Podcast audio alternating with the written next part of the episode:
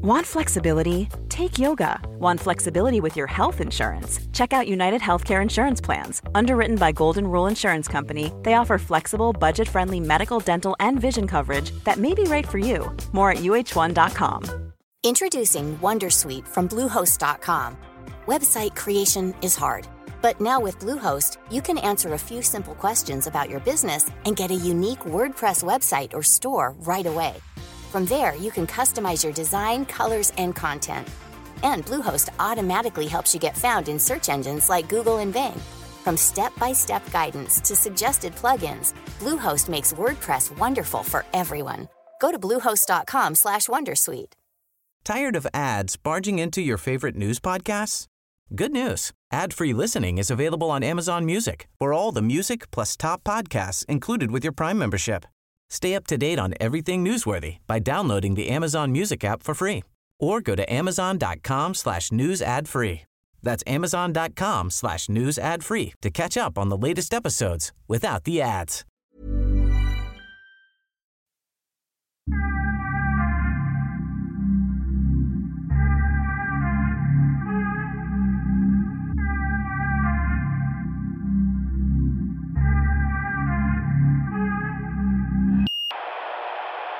Jag, jag läste faktiskt franska lite eh, i skolan, men jag kommer ihåg ingenting. Aha.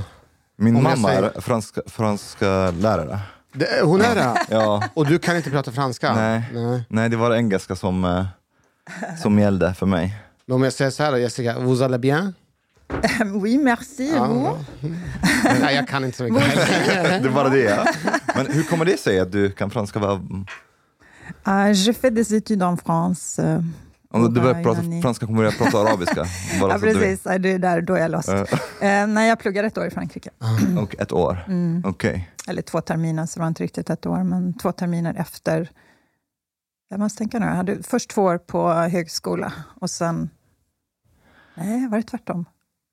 Nej, förlåt. Tre år, tre, tre år någonting på högskola, sen sista året på universitet i Frankrike. Men vad, vad, var kom det intresset i Frankrike och lära franska Nej, men jag älskar, jag är lite frankofil. Jag älskar? Frankrike, ja, Ja. eller fransk kultur och sådär. Men, nej, men sen var det ju mest eh, under eh, högstadiet fick man välja ett språk till. Och då valde jag franska. Okej. Så då hade jag det. Och Va- sen så, Vad är det med fransk kultur du gillar? Eller vad består din frankofilitet av? nu kommer vi in på kultur direkt Ja, här. Ja, kultur direkt. Nej, men alltså det är väl lite så här nostalgi. Jag tycker det är väldigt vackert språk. Det är vacker arkitektur. Um, jag tycker också om franska intellektuella är väldigt intressanta. Um, jag tycker det är ett vackert land. Sen har det ju sina för och nackdelar. Uh, så. Men rent kulturellt sett tycker jag, älskar jag ju Frankrike. Och Italien har jag börjat älska. Det, har jag, det, faktiskt, det var bara några år sedan, tror jag tre år sedan, jag var i Italien för första gången. Jag har mellanlandat där någon gång, men det var första gången som jag verkligen var där. Och sen har jag varit i Rom och i Milano nu, eh, sista året. Och, eh, eller två åren. Och jag bara älskar det. Men om, om du ska till Systembolaget och välja vin, är det franskt eller italienskt vin? Ja, men det beror på. Alltså, jag är ju en chardonnay-typ. Sådär. Men det kan i och för sig vara amerikanskt också. Så. Så att, och jag är ingen jättekonnässör heller. Men, men du, du, du säger att du älskar fransk kultur. Ja, på, ett, eh, på en, eh, en, en övergripande nivå. Okej. Men, men då blev jag Men den är också väldigt frustrerande kan jag säga, när man bor Ja. där. Okej. Så när man bor där? ja. Vad vad- vad är det som är frustrerande? Eller det tog ett tag. Alltså, om jag bara ska ta såna enkla kulturella saker. Om man står vid en busshållplats och väntar på en buss, så hälsar alla. Bonjour, bonjour. Ja. Jättehärligt. Alltså, I början blir man ju lite som svensk, sådär, men sen är det jättehärligt. Och det är någonting som jag stör mig på här hemma. Att folk har så svårt för att hälsa faktiskt. Jag med. Ja, men det är Ashkan, verkligen du så. skulle inte trivas bra i Nej, jag gillar inte när främlingar kommer och pratar med Nej, mig. vi- vi- det, det är balans där. Om de säger bara hej, bonjour, det är nice. Det är okej. Det, det är nice. Jag vill inte att de pratar mer än så. Jag, jag, jag, är, jag är främlingsfientlig ur den äkta bemärkelsen. Om det är en bokstavlig främling, jag Ja. skiter i vart den kommer ifrån. Mm. Bara det är en främling, stay out of my fucking face. Ja, Ja, men så faktiskt. kan det ju vara. Men det här lite allmänartiga gillar jag. Allmänartig, Bonjour ja, ja, och det är madame nice. och så här. Men då vet man vart gränsen går. Ja, ja, Om jag vet absolut. att personen kommer bara säga hej, läget och så är det klart. Det ska inte bli en konversation av det här. Då är det okej. Kanske vi stannar vid hej, inte läget. Det vore optimalt. Okej. Ja. Men sen var det så roligt, jag kommer ihåg en, en händelse, jag skulle gå på banken och så var det, kom jag in där så var det ganska lång kö. Det fanns ju ingen så här, på den tiden hade de inga kölappar, utan man stod i kö. Det här är på 80-talet va? Ja, det är faktiskt eh, 89. början 90-tal Ah, okej. till och med. Men eh, ja. Och sen så stod jag där snällt och väntade då. Och det var faktiskt en ganska snäll och lugn kö. Sen helt plötsligt så kommer det in en man, eh, som jag minns det då, säg 40-årsåldern, eh, kostym och han var lite sådär business. Sådär, va? Och han kommer in och han går och bara ställer sig längst fram i kön. Och så blir det ett himla liv i kön och alla bara "Wah, wah, wah, wah, wah", liksom. Och Jag tänkte nu blir det slagsmål. Så här. Men han skällde tillbaka och, och sådär. Och sen så bara, ja, sen tystnade alla och han stod kvar där. Och sen var det hans tur. Och då insåg jag det här, alltså det är mycket teater. Eller det är mycket liksom... Man You're talar- expecting that everybody gets their baguettes out start to fight. Jag har ju bott i Frankrike också ett år. Har du? Ja, What? Du vet när jag skulle ansluta till Mujahedin, då bodde jag i Paris. Varje gång du säger något, jag blir så här, oh vilken exotisk bakgrund. Det är alltid Mujahedin. Ja, Men det, jag har, mitt starkaste minne det var att jag skulle köpa hörlurar till, så här, på den tiden så fanns det något som heter minidisk. Det här är Ja. 2000-talet. Ja. Minidisk, varifrån? Minidisk, det var innan MP3 kom. Det är en Ah, liten, le, liten CD-skiva som är inuti en fyrkantig plasthållare. Typ. En Discman? Uh, nej, nej, Nej. det är, inte det. det är mini-CD-skivor. Ja. Det fanns jag kanske inte i Egypten. Mm. Men det som jag berättade var att jag gick till en så här elektronikbutik och så, så ville jag ha de här specifika hörlurarna. Eh, Självklart så var det ingen som pratade engelska. Alla Mm. pratade franska.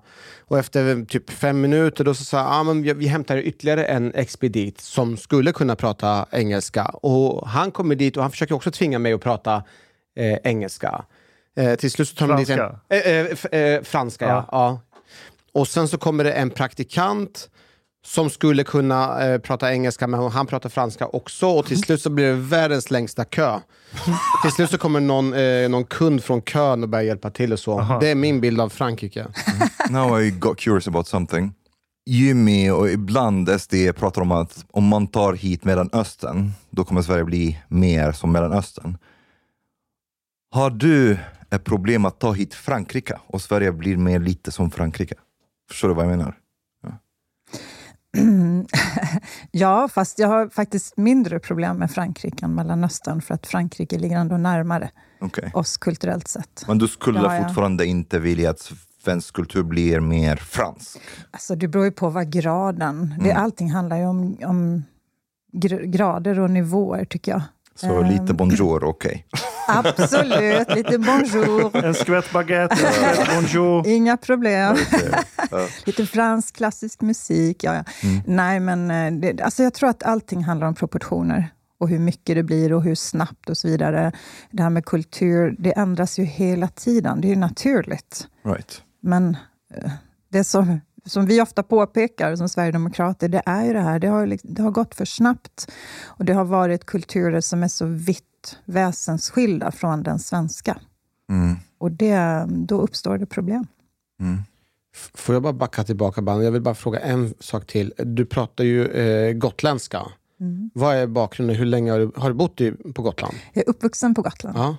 Och det där är ju roligt, för jag har ju bott mycket längre i Skåne. Ja. Men jag kommer ju alltid känna mig som gotlänning. Ja. Och jag brukar säga att jag är en assimilerad skåning. Vänta nu. Eh, assimilerad skåning. Alltså du är gotlänning som har assimilerats i Skåne? Ja. Ja, okej. Jag har tagit till mig den Ja, det skånska kulturen. Men, vart i Gotland? Eh, Slite, ni känner till cementfabriken. Ja, just Där har det. jag sommarjobbat. Det var där de skulle, miljöpartierna, de ville väl lägga ner det va? Eller mer eller mindre. Ja, det har ju varit kalkbrytningen där Just som det. är, eh, har blivit kontroversiell, men nu har man ju fått ett tillstånd på den speciallag som förra regeringen plockade fram eh, sista sekunden, så att man har ju fyra år på sig nu, eller det är väl tre år kvar. Så hur kommer det sig att ni flyttade till Gotland? Ja, ehm, det var faktiskt, mina föräldrar skilde sig när jag var typ fem sex år. Och Okej. sen så mm, blev det att jag flyttade med min pappa. Och så fick han jobb på Gotland. Så Som? Eh, ekonomichef. Okej. Eh, Så att då flyttade vi dit. Det är nice i Gotland. Det är, Jag älskar Gotland. lite Mediterranean Island atmosfär där. Ja. Mm. Ja, Det gillar jag. Jag brukar fråga när, när folk har varit där, så här, hade ni fint väder? Och säger de ja, då vet jag att de älskar Gotland. Men jag har också träffat på, förr i tiden, då var det vanligt att man cyklade Gotland runt. Ja. Och hade man då haft en svensk sommar, en regnig vecka, då var det ju bara katastrof. Men om man haft fint väder så är ju Gotland är ju fantastiskt. Jag har cyklat halva Gotland, södra delen. Mm. Skitfint. Det är väldigt platt. tror vi gjorde det på en vecka eller någonting. En vecka? Ja, alltså det går, man kan göra det mycket Tar det en fortare. vecka? Nej, men vi tog det lugnt. Nej, det var nog lugnt tempo. Vi, vi cyklade, Mycket fika. Ja, och så stanna till vid olika ställen och fika och äta. Aha. Och det finns väl något franskt i någonting. Det är någonting franskt med södra Gotland. Jag vet inte varför. De har creperia och grejer där. Det var Det förmodligen Visby Jessica som också. startade. det. Alltså, Gotland det är ju typiskt, alltså det finns ju mycket på somrarna, turistnäringen och sådär, men det är ju faktiskt ganska ofta fastlänningar Ja, just det. som kommer dit och, och då är det ju allt möjligt. På Fårö har man ju eh, fransk bistro, finns i Visby också, creperi och så det är roligt. Men Jessica, du du har gått med i SD, det var 2019? Eller? 2019 ja. Ja. Men eh, vad gjorde du innan? Jag var i näringslivet, jobbat som ekonom, controller kallas det. Så att jag hållit på med allt, alltså investeringskalkyler, eh, ja, prognoser, eh, lönsamhet, eh, allt möjligt som har med ekonomi och controlling att göra. Men du var intresserad i politik också? Eller? Ja, och först var jag då 25 år i näringslivet, lite olika storbolag och sådär, men framförallt var jag 19 år i energibranschen. Och sen så har jag alltid varit politiskt intresserad. Okej. Alltid. Alltså jag har inte varit organiserad, jag har inte varit med i något parti tidigare. Uh, var med i Medborgerlig Samling, var jag passiv medlem ett år. För jag tyckte att borgerligheten gick helt snett. Så jag tänkte det behövs ett parti som kan få borgerligheten på rätt bana igen. Eh, men, det var, men det var egentligen det första. Men eh, annars har jag alltid varit, ja, men följt samhällsutvecklingen, alltid haft åsikter och liksom varit politiskt hemma vid köksbordet. Min, min mamma var ju socialdemokratisk kommunpolitiker Jaså? Sant! i Rinkeby. Aha. Jag har bott i Rinkeby också. Är det sant? Ja. Ja. När då? När var det? Nej, det var ju liten, det var ju fram, jag var ju, vet inte, från kanske två års ålder till fem eller något sånt där. Mm. Aha. Sen flyttade, sen när mina föräldrar skildes, så flyttade, vi bodde i Bålsta när mina föräldrar skildes. Ja. Och sen så flyttade min mamma tillbaka till Rinkeby. Aha. Så att jag var ju där väldigt mycket under min tonår framförallt. Sen Kommer du ihåg flyttade hon till gata? Söder så småningom, så att jag har varit mycket på Söder också. Vid Vilken gata var det i Rinkeby? Har du något minne? Hon var två.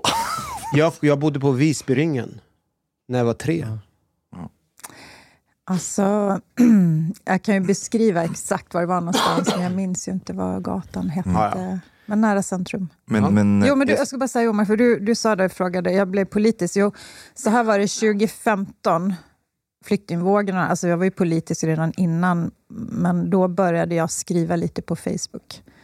Några reflektioner och jag, framförallt så började jag följa folk på Facebook. Jag hittade Thomas Gyr och tyckte att han var väldigt sund. Och det var så här, jag hade en privat sfär där jag inte kunde prata politik och absolut inte säga att vi behöver ha liksom en restriktiv invandringspolitik. Det gick inte i mina kretsar. Vänkretsar eller i jobbet? Eller? Nej, vän och eh, del, delar av min mest privata sfär. Okej. Ehm, så att då kände jag ett sånt behov av att... Uh, hade ju sett den här utvecklingen så himla länge. Men då 2015 då gick ju allt bananas och framförallt tyckte jag att folk tappade helt konceptet. Liksom. Att man inte förstod konsekvenserna alls. Jag tänkte nu kommer det accelerera problemen som jag hade sett i så många år. Så då hittade jag liksom Facebook-vänner och debattörer som jag följde och så där, började bygga lite så där nätverk och sen började jag skriva lite själv. Men faktiskt inte så himla mycket vad jag minns just om migrationen, men lite grann. Um, men sen började jag göra lite andra paralleller. Jag skrev ett långt inlägg om min mamma som var sjuk i Alzheimer. och då skrev jag ett inlägg om hur det var eh, när frustrationen med eh, personal i vården som inte kan svenska. För det var jag med om. Jag var med om jättemycket hemtjänstpersonal och ehm, även på äldreboendet där hon sen bodde. Då. Eh, och då skrev jag ett inlägg om det, för jag tyckte det var så mycket snack om ja, men vi ska enkla jobb i vården och nu ska vi liksom, man skulle använda vården som integrationspolitik. Ja, men det är så många som kommer, det är fantastiskt. Då får vi fler händer och fötter i vården och det lät så enkelt. Så, så enkelt är det inte. Så jag skrev om det där. Och det gjorde att jag borde ett Facebookinlägg då. Jag hade inte alls särskilt många följare, så det var inte därför jag skrev. Men så var det en redaktör som såg det där och ringde upp mig. Du måste skicka in, det här är en debattartikel. Jag bara, nej. alltså, Vad var det för tidning? Kommer du ihåg det? nej, det minns jag faktiskt inte. och sen ehm, så gick det en, en månad, så satt jag hemma och jobbade sent en kväll. Jag var ensam hemma. Så bara, äh, jag testar. Jag skick, så jag skickade den till Expressen och Aftonbladet och det var ganska sent på kvällen. Bara mejla in och liksom googla upp deras debattmejl. Eh, då. Och sen kom jag ihåg att jag gick och fixade lite, som skulle stänga ner datorn. Och då hade jag redan fått svar från, nej, från Expressen. "Ah, Vi tar in den här imorgon. Har du en bild? Jag bara, va? så, det var som så, okej. Och så, så hade jag ingen bild, men de plockade jag från min Instagram som jag hade då. Ehm, men i alla fall, så, och sen publicerade de den också i papperstidningen. Och det var så det började. Och folk bara, va? Kan du skriva? Ja, jag vet. Jag hade ingen aning om det. Så jag, Va, vad var responsen? Var det folk som hörde av sig? Ja, den var enorm. Den var enorm faktiskt. Uh, fick, jag tror det var en av de mest delade artiklarna och jag fick jättemycket mejl och folk som kände igen sig och sådär. Så Var det att, mest eh, positiv? Ja, var bara positivt skulle jag vilja säga. Aha, faktiskt. fick du ingen kritik? Nej, inte vad jag, nej, inte vad jag märkt av. Inte vad jag minns i alla fall. Så det kan inte ha varit någon större... ehm, men eh, så att, eh, det var egentligen så jag började med själva skrivandet. Och sen skrev jag också, kan det vara, vet inte, men det var efter det, ett år eller halvår kanske, så skrev jag om att jag hade ett möte med en fattigpensionär, en svensk fattigpensionär som jag stod bakom henne i kön på Hemköp. Och hon stod där, hon var så liten, jag kommer så väl ihåg det för det tog tid. Hon stod där med sin rollator, hon var så liten och liksom skör på något vis. Och sen skulle hon betala, jag tror jag hade med mimik att göra. Sen skulle hon betala och så fattades det pengar. Och hon stod och letade, hon hade en liten gammal börs, hon stod och letade bland mynten. Liksom. Och, jag bara, och så såg jag vad hon hade, det var typ en banan, det var lite havregryn, ja, det var typ ingenting. Så jag bara, och så bara instinktivt så bara tar jag upp en 20. Tänkte jag sponsrar henne. Och hon blir jättesur. För det var ju förnedrande. Right. Och jag bara, gud, det var inte meningen. Det var bara så här, jag bara, du vet, så, där, så hon ville inte ha den där. Och så plockade de bort den bananen eller något sånt, så kunde de betala då. Och så gick hon iväg. Och sen så efter en tid så såg jag henne, det var vid ett annat tillfälle, så såg jag att hon satt på en bänk utanför Hemköp. Så jag satte mig och började prata med henne. Och hon kände ju inte igen mig. Men, så jag började prata med henne och då berättade hon sin historia.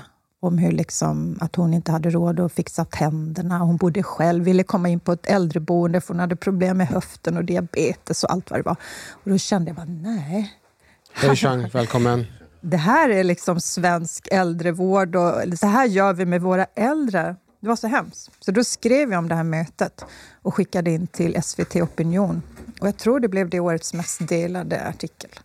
Och då blev det också, de ringde upp mig och ville att jag skulle diskutera äldrefrågor i morgonsoffan i någon sån här studio. Men det tackade jag nej till, var jag inte alls rustad för. Liksom. Men så började det själv. Det var väl liksom klivit in i det politiska på något vis. Var, var det då du blev medlem i MED? Var det i den vevan? Jag tror det var efter det. Då upptäckte jag, då hörde jag en intervju med Ilan. Ja. Och så tänkte jag, men gud vilken sund. Och så började jag googla. Liksom, Medborgerlig samling. Nej, De hette ju inte Medborgerlig samling, de hette Borgerlig framtid tror jag. Eller sånt där. Aha, är det sant? Ja. Det är bättre ja jag Men sen förstår var det strid om namnet där och han som hade grundat eh, tog liksom, han blev avknoppad och tog väl namnet med sig. så bytte de till Medborgerlig samling. Så jag var med och det, det var lite terapi för mig för att de, använde, de hade så här pubkvällar Right. i närheten. Jag vet att jag var i Lund någon gång och det var bara, bara få träffa folk som ville prata politik. Det Ja. var så jättebefriande för mig. Så för mig var det en diskussionsklubb. Vad fick dig att lämna då? Nej, men jag hade aldrig tänkt att bli eh, aktiv alltså, på det sättet. Jag ville stötta dem. Och sen, så, och sen var det ju fortfarande... Jag, vet, jag hade ju fortfarande jag hade ju mitt jobb. Det var ju bara ett fritidsintresse och en frustration. Så jag hade mitt jobb. Och sen så blev jag ju kontaktad om den här dokumentären Swedish Elephant. Mm. Eh, Just det, som, det. eh, Och det är många känner, de som känner till mig från innan nu politiken på riktigt då, har ju sett eh, Swedish Elephant som var ju en, vi hade, det var en sån premiär, en paneldebatt i Almedalen 2018. Och då, då var jag ju inte partipolitiskt bunden. Men sen blev jag kontaktad av Sverigedemokraterna. Alltså, du, blev involver- eller du blev inbjuden till den filmen som independent? Mm. De kallade mig för skribent och debattör eller sånt där, Ja, vilket ju var ja, väldigt okej. snällt. Men de saknade kvinnor från högerkanten, vad de upplevde som högerkanten, som kunde vara med. Så hade de Aha. väl sett mina artiklar eller någonting. Och, Är det den där legendariska debatten med Anders Lindberg och ja, Aron Flam? Aron Flam, Henrik eh, Johansson, eller vad han Jönsson. heter, Jonsson. Jag var bland Är det publiken då. Henko. Ja, Just det, jag kommer ihåg det. Jag tror vi hälsade då. Jag kommer ihåg det första Det är det. gången.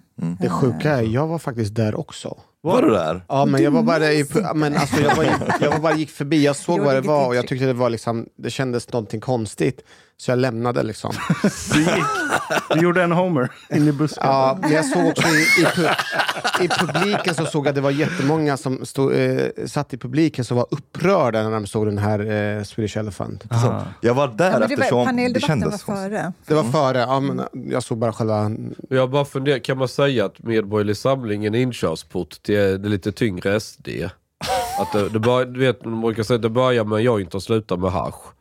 Nej, jag var, jag, jag, var, jag var SD långt innan Medborgerlig Samling, eh, Jaha. om man säger så. Jaha, ja. Så man kan Alltså, säga att hon var heroinist rent från början. Rent, nej, rent åsiktsmässigt, men däremot upplevde jag ju Medborgerlig Samling som eh, kanske lite mer intellektuellt SD, om man säger så.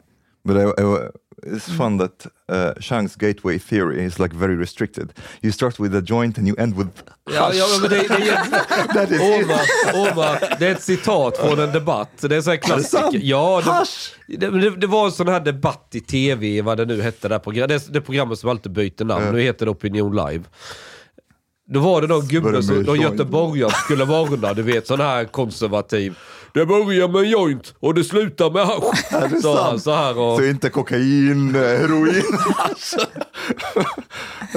Men, men om, om Medborgerlig Samling är intellektuellt SD, menar du att SD inte är intellektuellt? Ja, det är vad hon menar. Men det vill hon inte säga högt för hon företräder partiet. Nej, det skulle jag inte säga, men jag skulle säga att det är eh, Eh, de jag stötte på. Alltså för det första är det en mindre samling människor, så att det, är ju klart, och det är en viss typ av människor. Jag, jag, jag upplevde att många frågor rimmade väldigt mycket med SD, men man hade beröringsskräck med SD, eller, eller man ville ha en annan ansats kanske. Jag, jag brukar säga det, men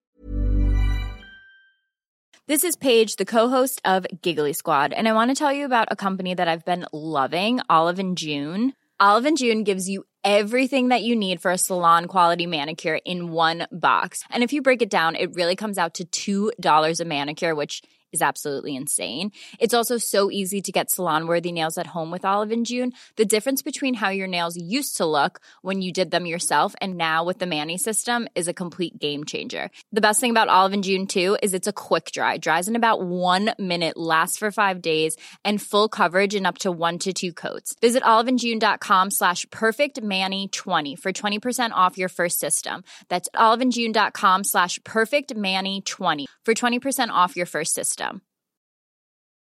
A lot can happen in three years, like a chatbot may be your new best friend. But what won't change? Needing health insurance. United Healthcare Tri Term Medical Plans, underwritten by Golden Rule Insurance Company, offer flexible, budget friendly coverage that lasts nearly three years in some states. Learn more at uh1.com. med SD, jag tycker att vi har haft så rätt instinktivt. Om man går ut och träffar liksom den vanliga sverigedemokraten så har den vanliga sverigedemokraten väldigt rätt instinktivt men har ju oftast inte suttit ner och formulerat det på ett väldigt intellektuellt eh, eh välformulerat sätt. Um, så kan jag väl, så skulle jag beskriva SD. Ofta rätt instinkter, um, sunt förnuft. Uh... De är mer höga dock när det gäller ekonomipolitik. Medborgerlig Med, samling? ja. Ja, men det är ju lätt att vara det på... Det är lätt att vara det när man dels inte sitter i riksdagen och det är också lätt att vara det på ett eh, övergripande plan. För frågar man sen, vill ni plocka bort barnbidragen? Ja. Eller så här, då, då vill väl oftast inte med göra det, va? Eller? Vill de inte med? Och sen så här, dra ner antal myndigheter, det håller vi också med om. Och, ehm, och absolut, det här, det jag verkligen håller med, som jag upplever att med torgför, så att säga, det är ju det här med att eh, vad lägger vi pengarna på? Det finns ju så otroligt mycket vi inte borde lägga pengarna på. Ehm, Så där är vi överens. Men ja, men det skulle jag säga. Lite Men vad, vad säger Moderaterna om det? Har ni tryckt på Moderaterna om att slakta lite myndigheter som bara suger pengar? Ja, det är vi ju de som vill göra det. Vad säger Moderaterna då? Eh, nej, det är lite trögare. Det ska gärna utredas. Och det De är ska... sossar i kostym. Mm, kanske det. Ja, men hur, hur kan man kalla sig för ett ekonomiskt högerparti och inte vilja dra ner antal myndigheter? Det går inte ihop för mig. ja, men vi jag- har, jag tror att vi gemensamt... Det eh, tappar har- kredibilitet Nej, men vi har för mig. gemensamt börjat kika på det, så att det finns en, eh, det finns en, en eh, initial vilja där. Men jag tror, inte, jag tror i och för sig inte att Moderaterna är det stora problemet i, i Det den frågan. Det tror jag inte. Liberalerna, han, de måste ju hålla dragqueenen nöjd. Jan Jönsson, Ja, gängets värsta fiende. ja. Alltså jag måste ge han cred. Jag med. Jag tycker det är balls att gå och Ja, ta den alltså, positionen. Pun intended? Eller no pun intended? Pun intended. Det är balls. Nej men på riktigt. Det, PR-mässigt är det skitkul, alla pratar om det. jag har respekt för det. Att han går och tar den rollen när det är som ja, men, hetast, det här ämnet. Mitt i hela gängeskaleringen som skedde i helgen. Är inte det dåligt omdöme då? Nej, men då tycker jag argumentet att bara för att det är katastrof på ett plan ska man skita i allt annat. Det, Jag tycker det är narcissistiskt. ja, varför? det är det. Varför? Jo, men det är ju bara, vad, vad ska det där leda till? Är det den Diskussion. största frågan? Ja, men behöver vi mer? Alltså, det är en positionering, jag tycker det är narcissistiskt. Det, det vittnar om att man inte bryr sig om... I actually think it's it's pretty good idea. Like, I think the thing is, those kids who who shoot and stuff, the criminal kids, they are they are probably scared shitless of drag queens. If you put a drag queen in every utsatt område, it, things will calm down. I think. Det, är inte, det är inte så dumt som det kan låta.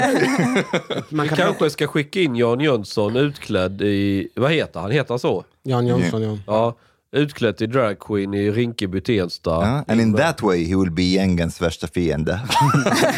Jag tror att det är snarare tvärtom. Man pratar om brottsförebyggande arbete och sen brottsprovocerande. Jag tror han provocerar fram Det brott. tror jag också. Ja. Drag queens. Jag tror att... Att han kommer få rätt mycket stryk. Ja, och, om, och det är många som blir provocerade eh, som, som inte menade att, de, att Jan Jönsson ska provocera. Jag tror att framförallt lokalbefolkningen, till exempel Rinkeby, blir väldigt provocerad om en man klär ut sig till en kvinna.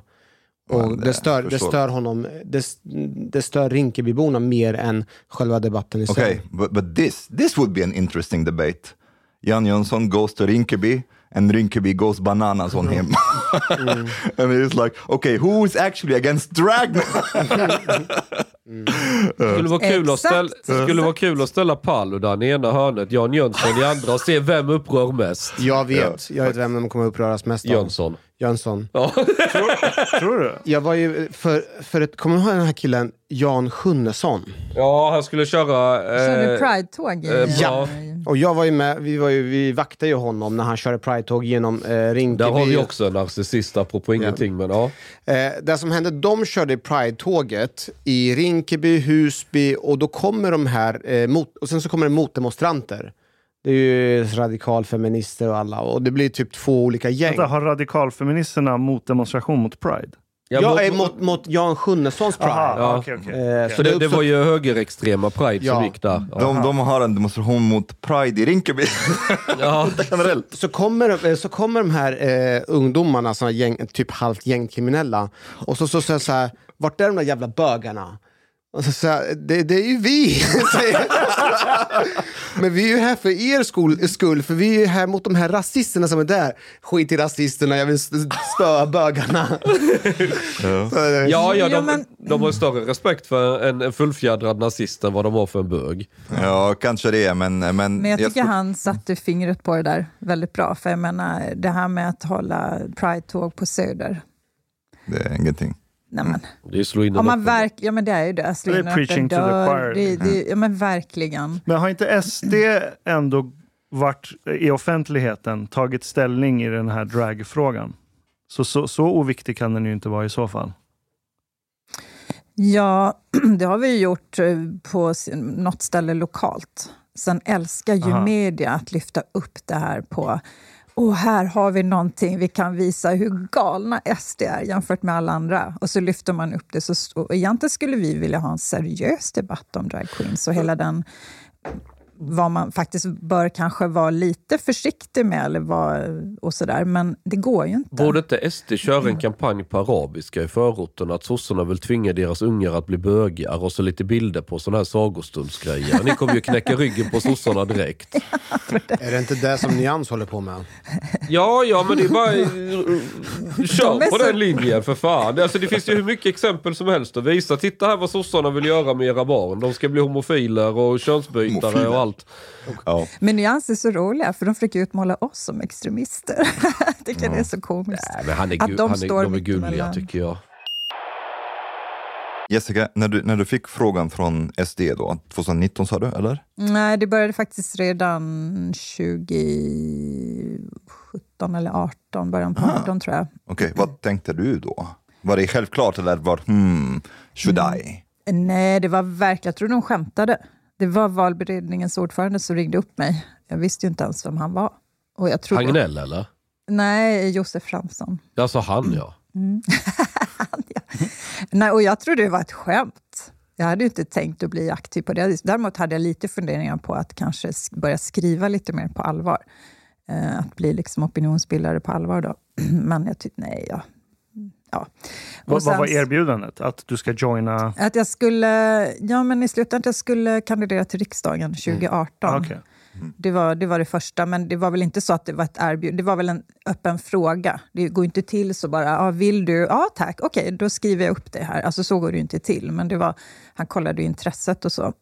och, jag, och sen så återkom han och jag bara, nej du skojar och sådär. Så ringde han upp igen och sen hade vi lite dialog och så. Och sen så sådde det väl ett frö i mig för att jag började känna att Den där Ja. riksdagslönen är inte fel. Jag det lika bra innan, så vi Jaha. kan släppa det. Vi hitta på- Det ska jag faktiskt ge dig. Du är en av få politiker som har haft en karriär i näringslivet Ja. innan du kom dit. Men vad var du? Controller på E.ON eller? Mm, jag var chefscontroller. Va, vad gör man när man är controller? Man håller på med siffror.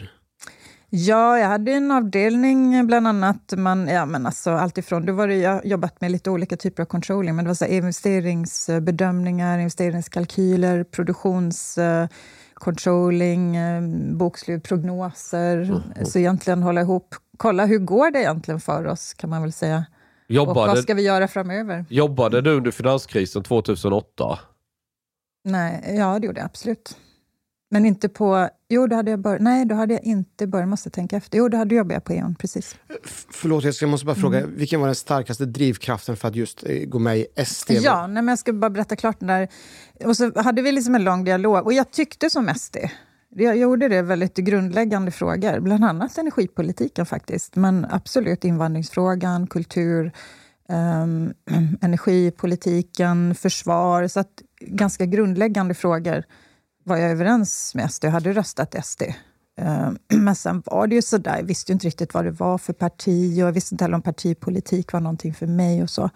Så att jag var ju tveksam då. Men sen blev jag inbjuden på en privat middag där de skulle på något, jag skulle liksom lära känna partiet lite grann. Vilka mötte du där? eh, Mattias Karlsson, Jomshof, eh, Paula, eh, Bäckström Johansson eh, tror jag, och Josef Fransson. och det var i Josefs lägenhet i riksdagslägenhet i Gamla stan, kommer jag ihåg. Blev Josef sketafull? Nej, ingen blev. För det kan han bli ibland. Ja, nej. Men däremot så har jag här rolig anekdot därifrån. För att jag tror jag var först dit.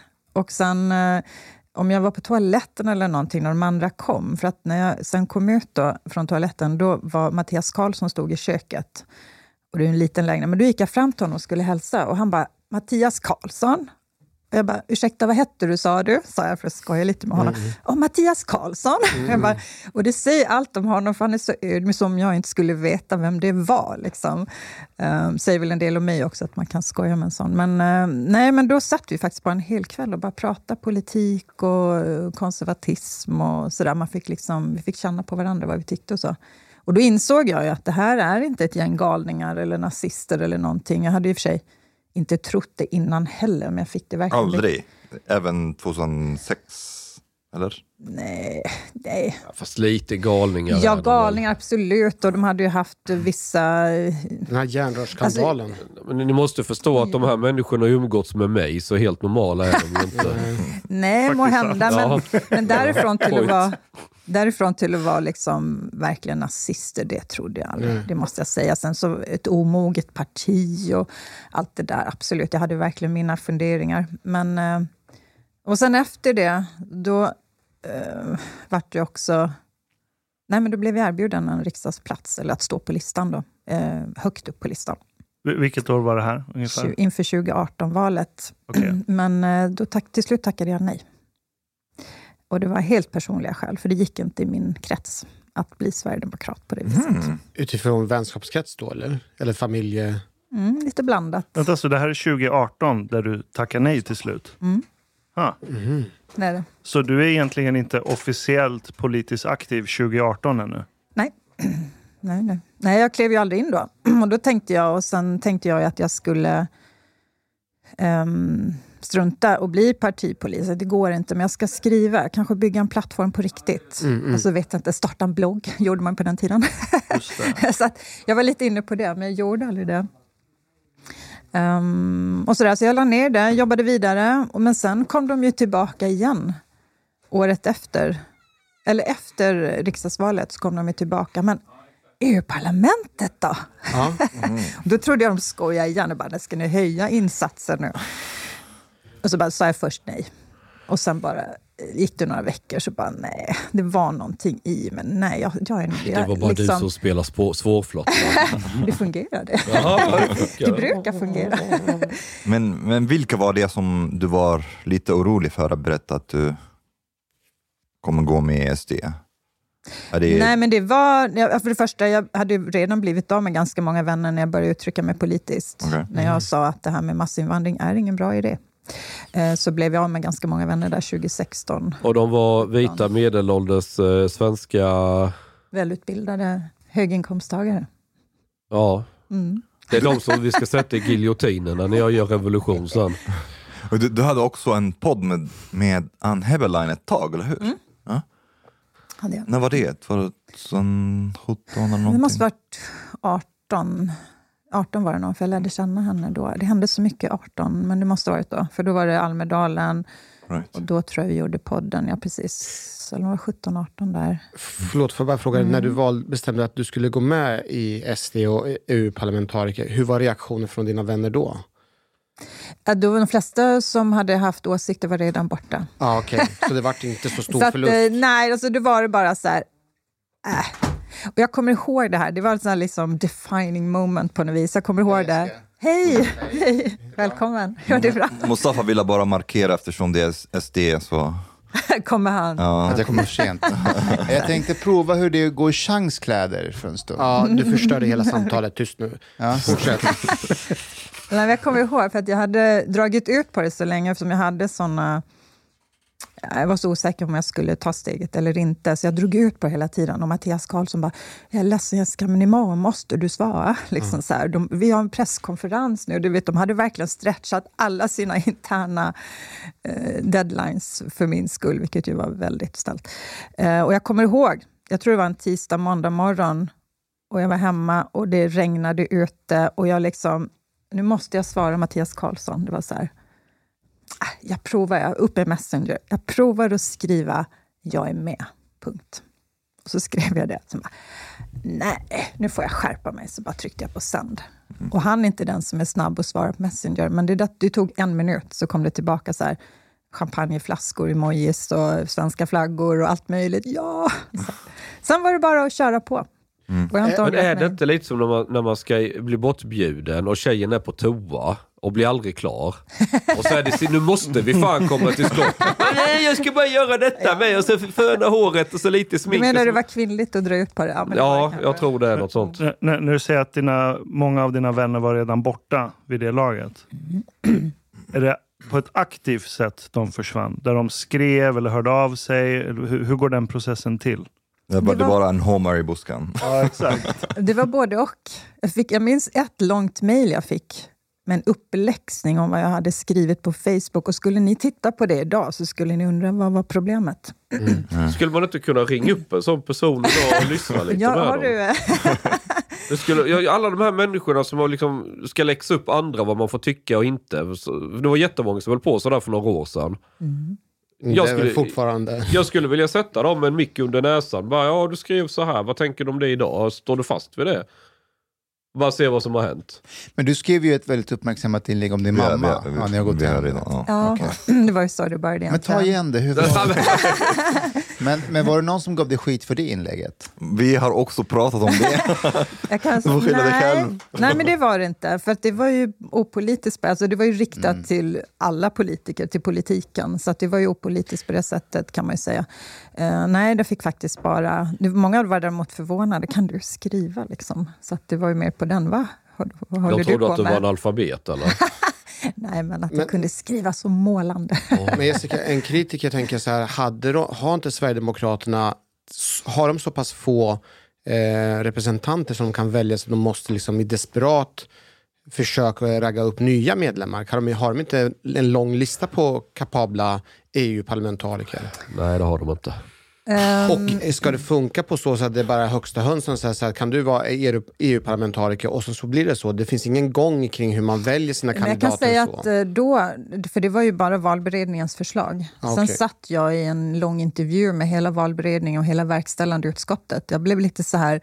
Eh, Fransson sa till mig, men kan du bara komma upp på ett möte nu på fredag? Vi ska bara träffas några här. Liksom. Lite Ja, formalia. det lät ju verkligen så här informellt. Ja, men så träffar någon och säger hej, typ. Och så kom jag in i det här konferensrummet, så det är liksom, som jag minns det, 20 pers. Och då var det typ ett förhör, eller var, eller var som en anställningsintervju. Jag satt där jättelång tid och de ställde frågor och jag fick svara. Så det var ju då, och det är klart att de var ju, det var ju ingen liksom enad jury, utan de var ju splittrade. För det är som du säger, men har folk stått här i 20 år och delat ut flygblad och så bara glider in någon ehm, från sidan. Då. Men jag tror att de hade identifierat att, att min profil var bra för partiet. Jag tror också de hade identifierat att jag var en god kommunikatör.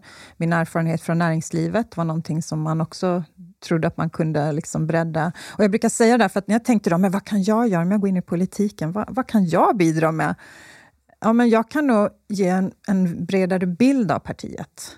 Eh, för det är ju så här, de jag, Sverigedemokrater som jag möter är ju ofta Ja, men det är ju alla sorter. Det är välutbildade, det är invandrade, det är eh, you name it. Men det visar man ju inte, den bilden har man ju inte av partiet. Och då kunde jag nog visa att, att Sverigedemokraterna är mycket bredare än så. Och sen också att jag var helt... Jag, menar, jag var en vanlig tvåbarnsmamma från näringslivet. Jag var inte känd i någon större bemärkelse. Jag har inte skrivit på Flashback. Jag har liksom inte hållit på. Som andra Sverigedemokrater har gjort. Ja, som många andra har gjort. Nej, men alltså, på han? något vis så var det väl kanske... Vad heter han? Fågelkrok eller vad heter han? Fågelkrok. Vad heter han? Precis, fågelkrok. Han är ju asskön, jag har ju träffat honom. Fågelklo. Ja, han har humor, han, jag måste säga, kunnig är han också och mycket självdistans. Jag gillar honom. Och han identifierar sig som afghan. Det gillar ja, du på, också på Mustafa. Han det. Men det är klart du gillar det Mustafa. Men- Någonstans så bondar ni där. Nej, men jag, jag diggar honom. Je- Jessica, ni har ändrat namn, eller hur? Det är Klimatdemokraterna nu. Ah, det var ju SVT. Vad hette det? Klimatdemokraterna. Det finns, en dok- Dokumentären i SVT. det finns en dokumentär på SVT Play där de följer mig ett tag. Och då, har de, Klimatdemokraterna. då har de döpt den till Klimatdemokraterna. Mm. Mm. Jaha. Men, men eh, ni anser inte att vi befinner oss i en klimatkris, eller hur? Det är det där ordet Ja, som vet. man måste skriva under på. Jag tycker inte att det är en kris om man tittar på prognoserna. Om man tittar på att uh, IPCC faktiskt säger vad vi kommer ha vid slutet av århundradet i form av utsläpp eh, med tanke på vad vi vet, vad vi kan göra och så vidare. Så att nej, jag tycker det finns mer... Det finns så många andra kriser här och nu som glöms bort. Men- så att jag tycker inte om att använda Det- ordet är, det, kris. är det inte bra om det blir varmare? Det finns de som tycker det också. För då kan man ju köra nedkabbat större delen av året. Ja. But, but uh, aren't you worried a little bit because jag tror att jag läste någonstans enligt opinionsundersökningar det är 85 procent av svenskarna som är antingen mycket oroliga eller oroliga för eh, klimatförändringarna. Can this be like some, somewhat like uh, abortfrågan för SD? Nej, jag tror så här, att, eh, vilket jag stått och sagt i EU-parlamentet sen jag klev in där. Jag satt ju i energi eller industriutskottet, där man också behandlar energifrågor. Eh, när folk förstår eh, vad det kommer göra med deras liv och vardag och samtidigt förstår att det kommer ha noll inverkan på den globala medeltemperaturen, då kommer man nog snarare bli lite irriterad på att vi inte gör rätt saker. Och de rätt sakerna är? Ja, jag tror ju fortfarande att jag menar, vi är, om man räknar in skogen, som ju räknas som en kolsänka, så är vi i stort sett koldioxidneutrala redan idag. Och vi, har, vi ligger ju längst fram i utvecklingen. Vi hade ju en i stort sett fossilfri, eller väldigt fossilsnål energimix till exempel, vilket ju är grunden för hela eh, välfärdssamhället, eh, industrin, politiken överhuvudtaget. Eh, det hade vi redan. Vi har väldigt rena företag. Alltså industrin har redan gått igenom de här processerna, de som är kvar. Alltså mycket verksamhet har flyttat till Kina på grund av... Men är inte det ett argument som kritikerna har då mot den inställningen, mot den linjen? Att vi har outsourcat det mesta som är klimattungt på andra länder? Jo, men jag ska bara eh, avsluta resonemanget där. Vi är väldigt duktiga på innovation och teknik och det är det vi ska för det första exportera. Och så att det här med att vi har outsourcat Jo, men det har vi ju på grund av skatteregler, på grund av alla krav och så vidare. Och nu höjer man kraven. Vad tror ni händer då?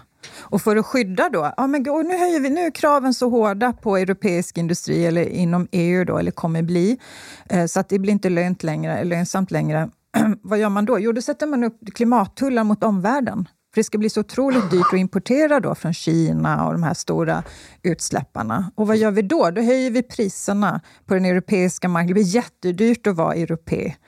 Um, och, och, och, så startar vi handelskrig. Ja, så blir det inflation och så startar vi handelskrig och sen blir det på något vis en, en cirkel av subventioner. Vi skapar ju en marknad, vi skapar en efterfrågan med skattemedel. Det är precis vad vi håller på med. Pumpar ut miljarder på marknaden, skapar en efterfrågan för de här produkterna Uh, och, så, och så sätter vi upp tullar mot omvärlden. Då.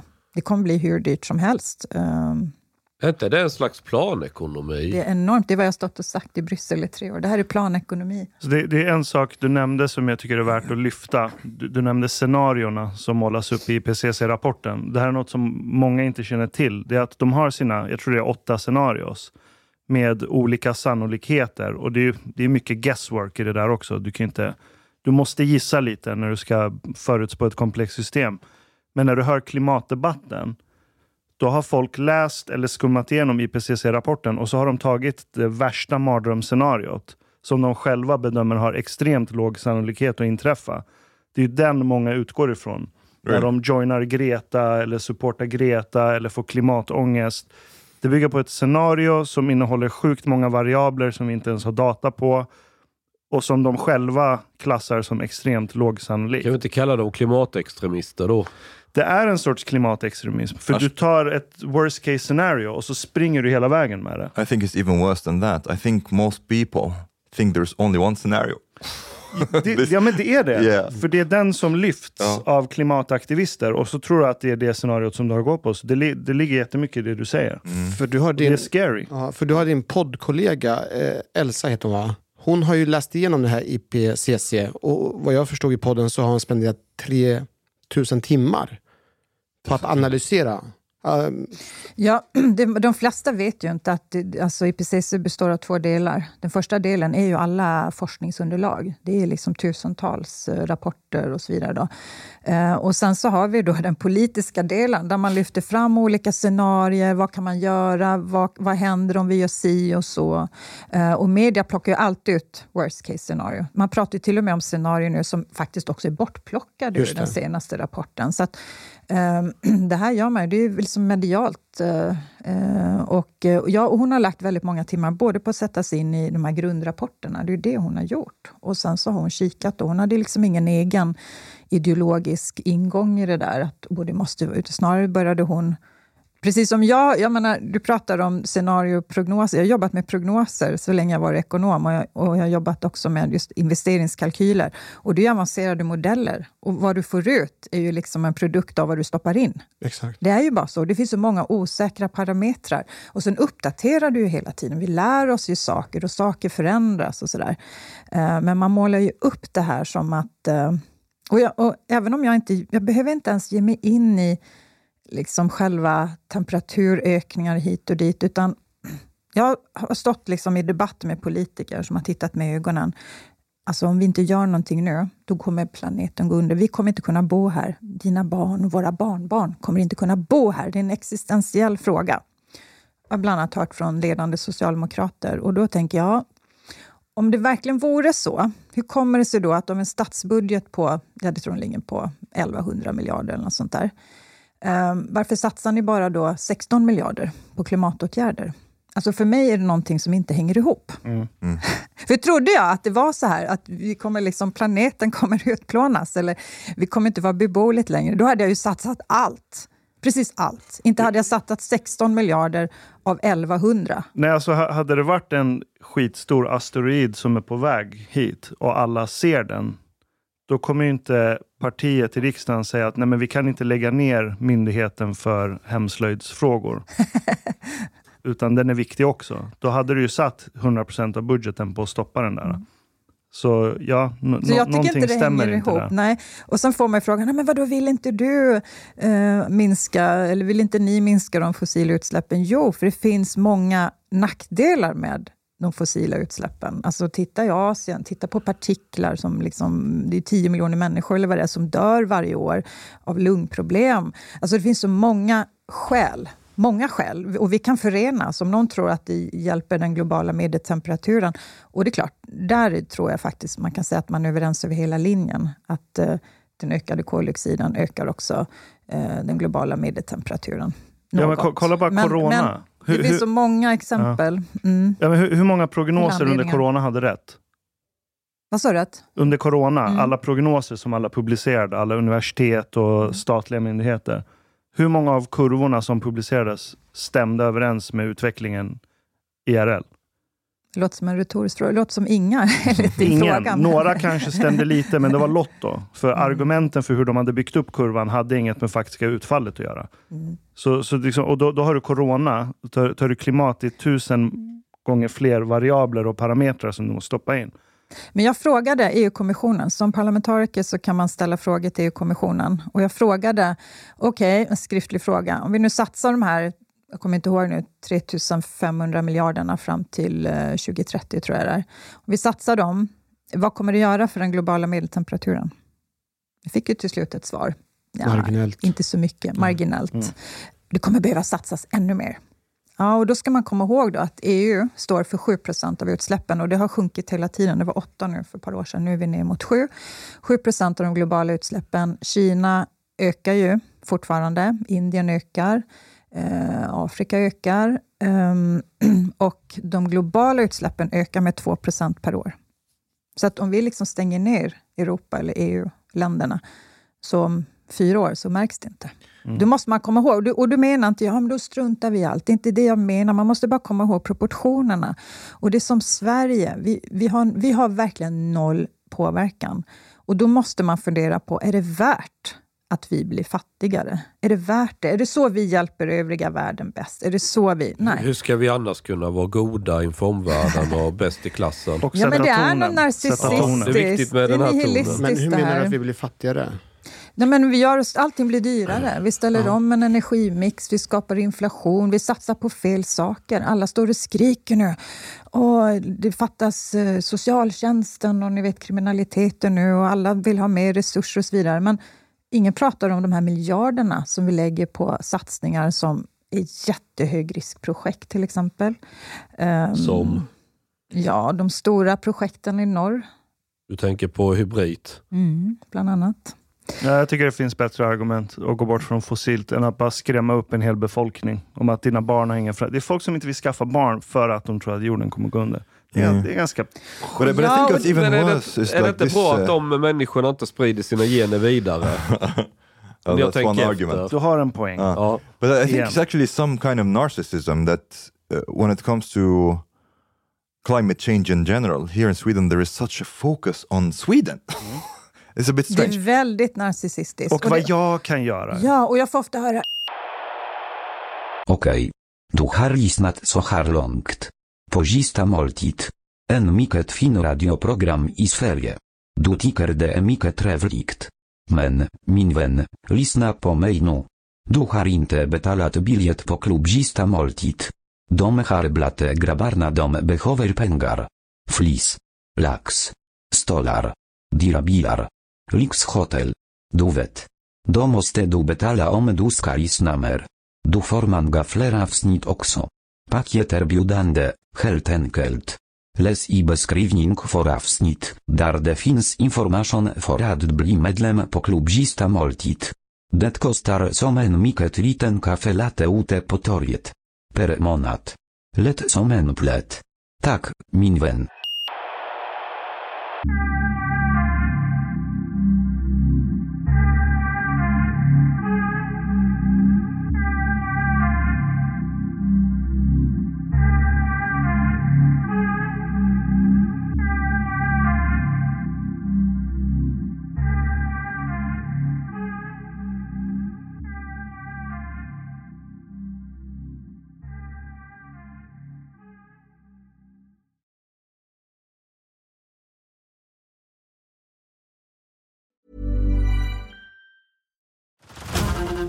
Hulu this March, where our new shows and movies will keep you streaming all month long.